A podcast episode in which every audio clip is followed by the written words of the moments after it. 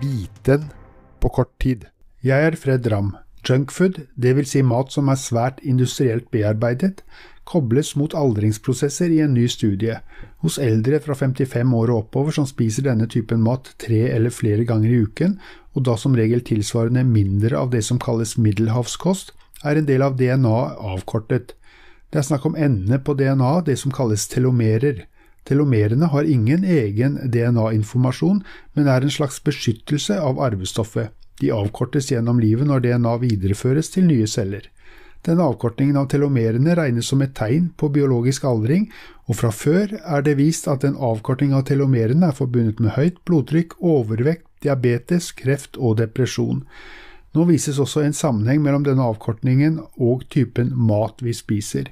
Forfatteren har klart å vise en sammenheng mellom kosthold og biologisk aldring, men de vet foreløpig ikke om det er en årsakssammenheng.